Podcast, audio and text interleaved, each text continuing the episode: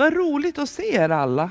Jag var nästan rädd att jag skulle vara ensam här idag. Det bara var vi som var här och ordnade gudstjänst. Jag tänkte ja, men nu ska folk sitta hemma och se på Vasalopp och det är sportlov. Men jag är jätteglad att vi är så många här. Jättehärligt. Anna-Karin Kriström heter jag som sagt. Och vi är ju inne i en period då vi pratar om lärjungaskap. Förra helgen så pratade ju Daniel om att vi är kallade. Att Jesus säger kom, följ mig. Och precis som vi hörde i sången också, det kan kosta på. Man kan få offra saker i sitt eget liv. Men vi är alla unika. Vi är utvalda och han har kallat oss på olika sätt. Ingens berättelse om hur de har mött Jesus eller hur, han, hur vi har blivit kallade är lik den andres berättelse, utan vi är unika. Men vi har en likhet och det är att vi alla är skapade av Gud. Vi är skapade till hans avbild. Var och en unik med de förutsättningar som Gud har sett att vi behöver för att bli den här lilla unika pusselbiten som ska passa in. Och Gud han har en specifik plan för var och en av oss. Det är Gud som kallar. Men vi själva, vi har rätten att säga vårt ja eller nej. Han kommer aldrig att tvinga sig på någon. Och det är nog en av anledningarna till att det är så lätt att missa Guds plan för mig. För i världen så är ju jaget så stort. Det är av stor betydelse att man verkligen förverkligar sig själv och att mitt personliga välbefinnande är det viktigaste. Men i Guds rike, där är det tvärtom. Mindre av mig och mer av Gud. I andra Korinthierbrevet 5 och 15 så står det att och han dog för alla för att de som lever inte längre ska leva för sig själva utan för honom som har uppstått för dem. Och det är stort. Jag ska inte leva för min egen skull utan jag ska leva för honom, han som har uppstått för mig. Det är inte alltid så lätt att efterleva. Men en hjälp för mig som fungerar ibland kan jag ju erkänna. Inte alltid. Ibland är det mycket Anna-Karin.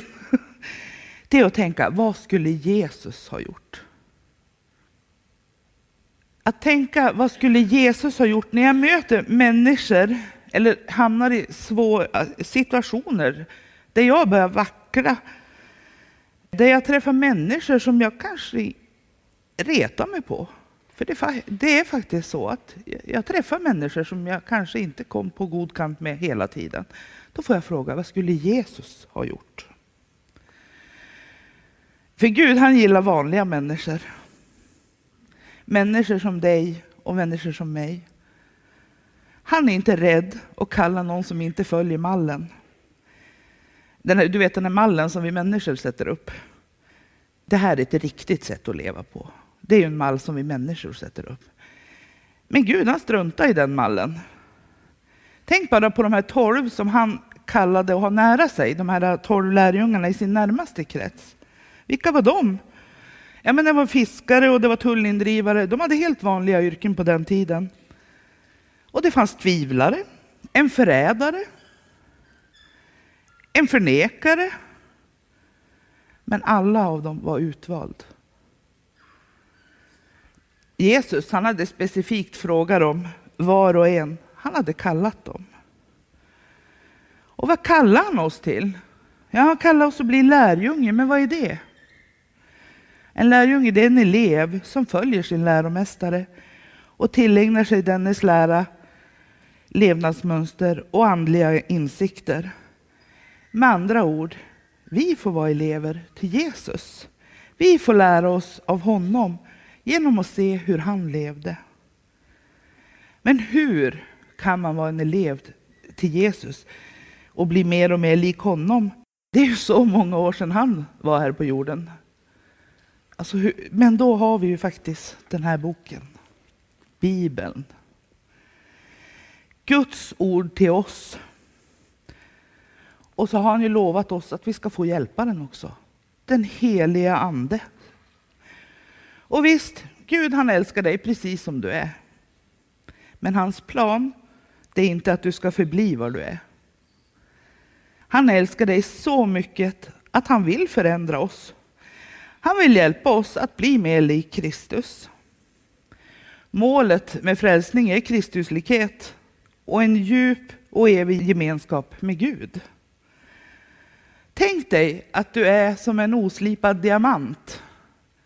Nu ska vi se ifall Emma lyssnar och får fram bilden. Ja, hon lyssnar. Det är så här man gör när man har sina barn som tekniker. Då säger man så här, du måste lyssna när du ska lägga upp bilden. Då vet man att de lyssnar. Det här är en bild på en sten där de har börjat slipa ut en diamant. Och jag tänker att så är vi. I Guds ögon är vi en perfekt diamant. Men i våra egna ögon är vi en sten. Men Gud han slipar fram det här vackra, det här skinande i oss. Han, tar, han slipar ett lager i taget. Jag tänker han har ett otroligt tålamod med oss. För det tar tid. Det är hårt, det är svårt. Men han slipar och han slipar.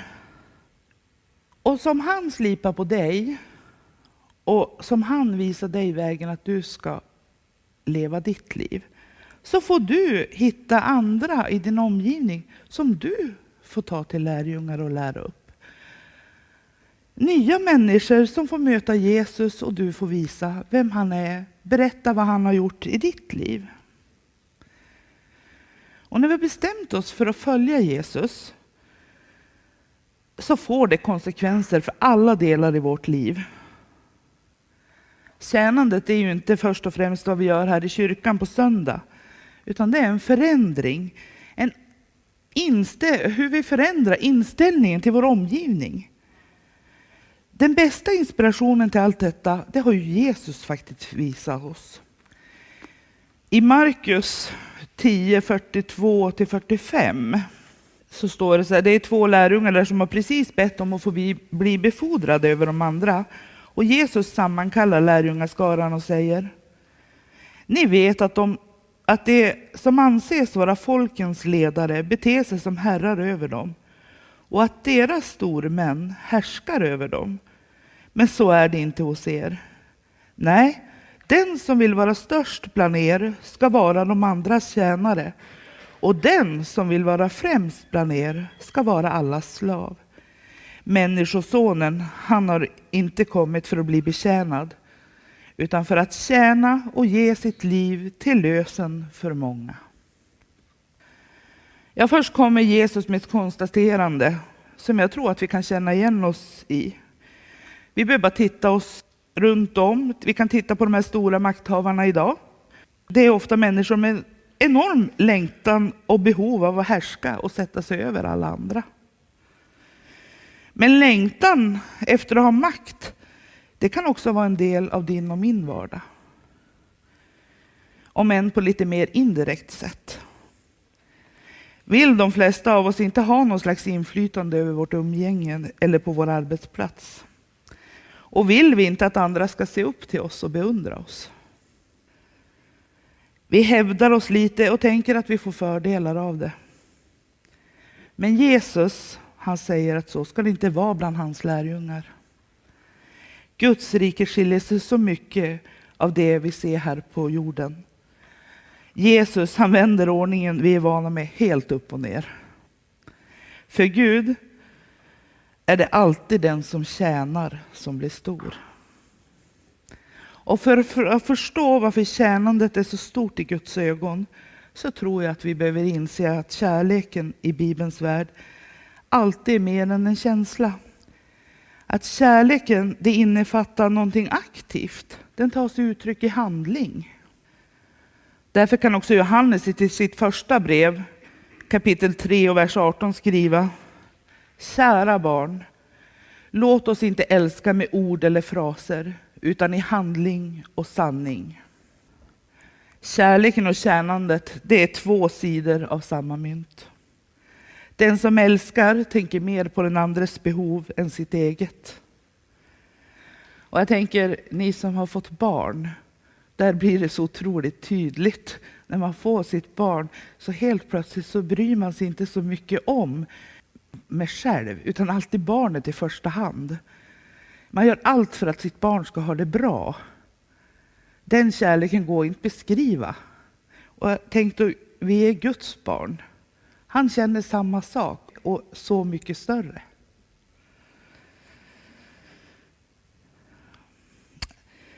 Att tjänande är osjälviskt innebär faktiskt att det inte har fördelar för den som tjänar.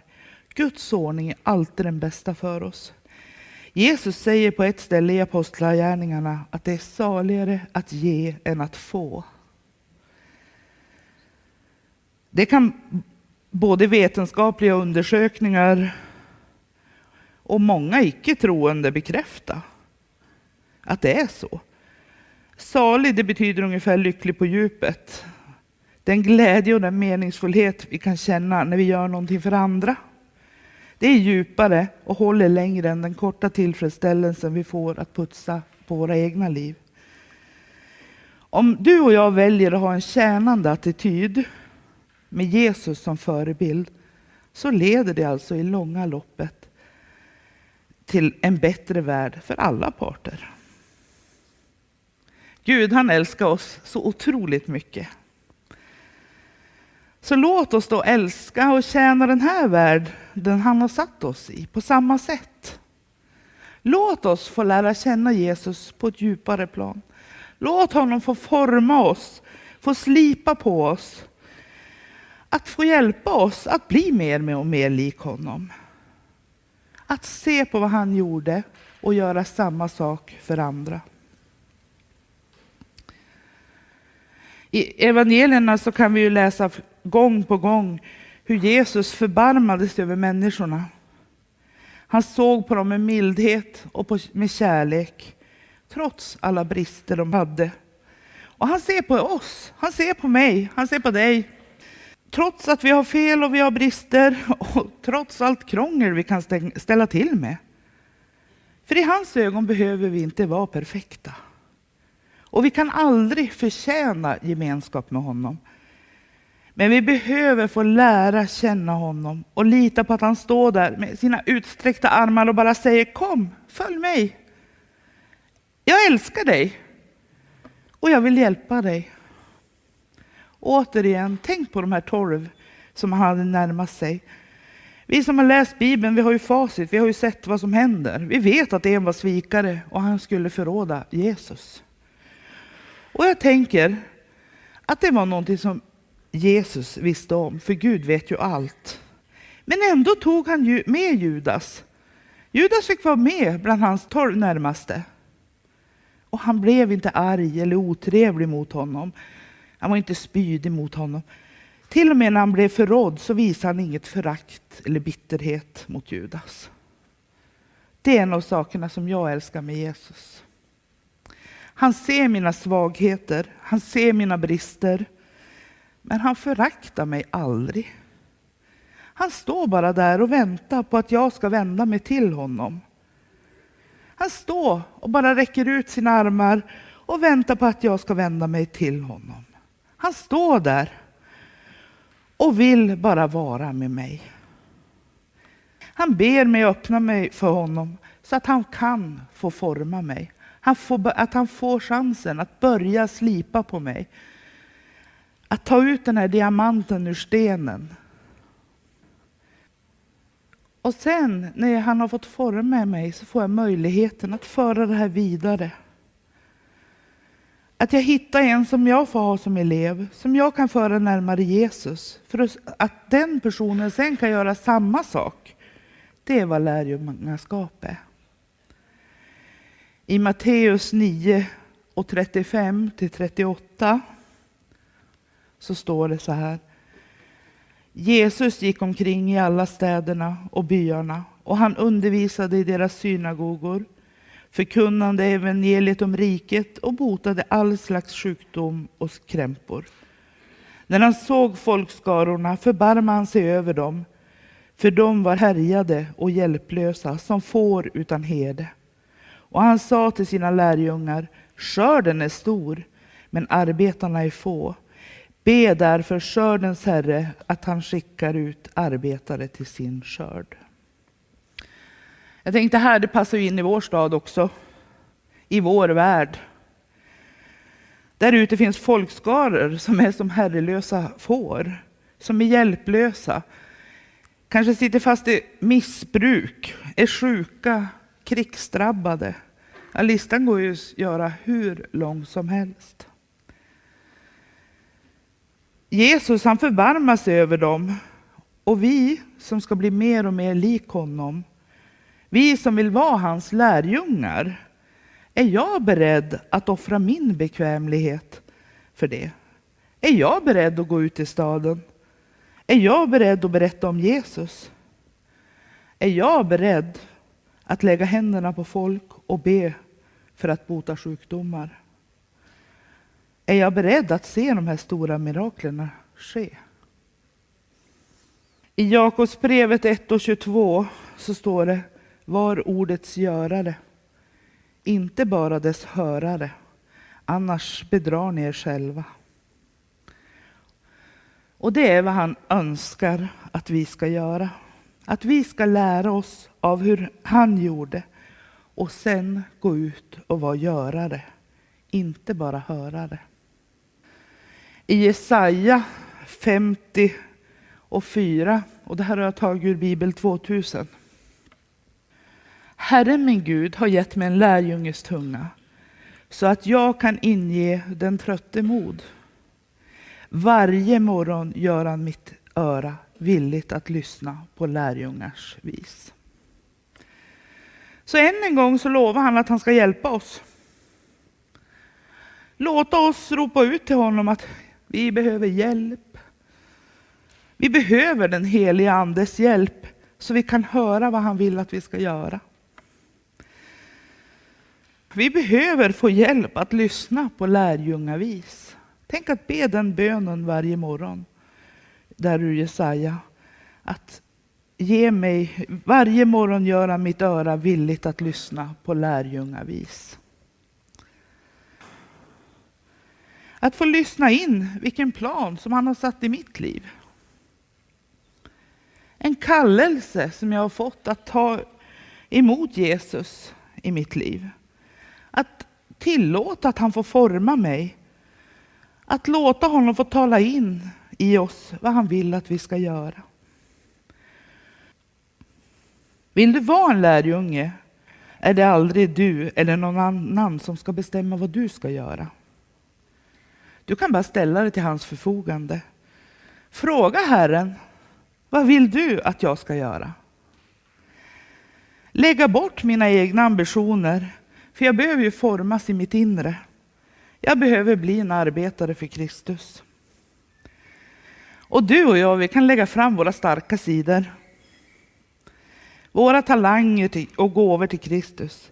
Lägga fram mina fem bröd och två fiskar och be han välsigna det. Låta mig få bli ett bröd som mättar dem jag möter. Och vad blir jag då? Blir jag apostel, evangelist, präst eller blir jag pastor? Ja, det kan man bli om det är det han har kallat dig för. Men framför allt, jag blir mer lik Jesus. Och det är det det kristna livet går ut på. Att bli lik honom, att bli mer Kristuslik. Att få vara betjänande, kärleksfull, se andra människors behov. Men det är ingen enmansshow, utan vi behöver alla varann. Och vi behöver vara en del i Guds levande församling. Ingen av oss kan göra allt, men tillsammans är allting möjligt. Och jag tror det här är så viktigt att vi vågar vara öppna och flexibla i våra tankar och attityder mot varann. Vi är alla olika. Och det måste finnas utrymme för det. Att vi får vara unika. Vi kommer från olika kulturer och sammanhang. Men alla är vi en del i Kristi kropp. I vår församling så måste det få finnas utrymme för att vi är olika. Det finns folk som ber högt, vissa är tysta. Vissa vill läsa en skriven bön. Någon vill dansa till lovsång, någon vill höra läsarsånger och någon vill höra på hårdrock. Någon vill evangelisera genom cirkuskonster eller någon annan vill evangelisera genom intellektuella diskussioner. Och vet du vad? Det är helt okej. Okay. Gud han har skapat oss olika. Helt unika. Men han har kallat oss till att sprida evangelium. Och det har han gjort på det sätt som du är bekväm med. Låt oss inte vara rädd, utan låt oss stötta varann. Låt oss förstå att inget sätt är bättre än det andra. Låt oss vara en öppen församling som tillåter att lärjungarna är olika. Inte helt perfekta, men de strävar efter att få bli mer lik Jesus för varje dag. Låt oss vara ett växthus där man får chansen att växa. Just nu tror jag det är många som håller på att plantera fröer. Och jag tänker alla fröer är också olika. Vissa ska planteras djupt, vissa bara vara ytliga. Många behöver vatt, mycket vatten eller lite vatten. Vissa kan inte stå tillsammans med varann för då tar de, det funkar inte, då dör de. Men så är det med oss också. Vi, behöver, vi är unika, vi behöver också olika. Så låt oss vara det här växthuset. Ett växthus där man vårdar varje lärjunge som, det, som den personen behöver. Att tillåta att det är Gud som formar växten. Men att vi finns där för att lära ut det vi i vår tur har fått höra av Jesus. Det vi har fått lära oss på vandringen. Låt oss få betjäna varandra. Låt oss få visa att det växer att vi växer, var och en i lärjungaskap. Låt oss se på församlingen som Kristi kropp, där alla delar behövs, vare sig man är en lilltå eller en arm. Men där Jesus får vara huvudet. Så låt oss tillsammans möta behoven som finns här. Tjäna församlingen, möta nya människor, be för sjuka, göra gott. Här tror jag det är så viktigt att vi jobbar tillsammans, även över generationer. För vem kan visa mig vägen på ett bättre sätt än någon som har gått längre än mig tillsammans med Jesus? Det kan ju vara så jag kanske kan undvika ett dike som den redan har trillat i. För att den kan visa mig rätt väg, vars mitten på vägen är. Så utmaningen vi har, det är att våga vara en äkta lärjunge. En lärjunge som följer Jesus, som tjänar som han gjorde, som vill bygga framtidens kyrka, få vara en levande gren i vinträdet och hitta sin unika plats. Låt oss aldrig glömma att vi är kallade och att vi behövs. Låt oss be. Oh, tack käre Gud för att du sände din son till oss. För att han skulle få visa oss med sitt liv hur vi ska leva. Leva för att behaga dig. Tack för att jag får vara Jesu lärjunge, att jag får bli mer och mer lik dig varje dag. Tack för att du slipar mig och tar bort sånt som jag bär på som inte behagar dig. Tack för att vi har fått en helig ande till hjälp. Tack för att du var morgon väcker mitt öra till att lyssna på lärjungavis. Tack för att du hjälper mig vara ordets görare, inte bara hörare. Och tack för att du hjälper mig att se mina medmänniskor med dina ögon. Att du hjälper mig att förstå att jag och alla andra är unika. Att de är utvalda och de är skapade till den pusselbit som du har tänkt. I Jesu namn. Amen.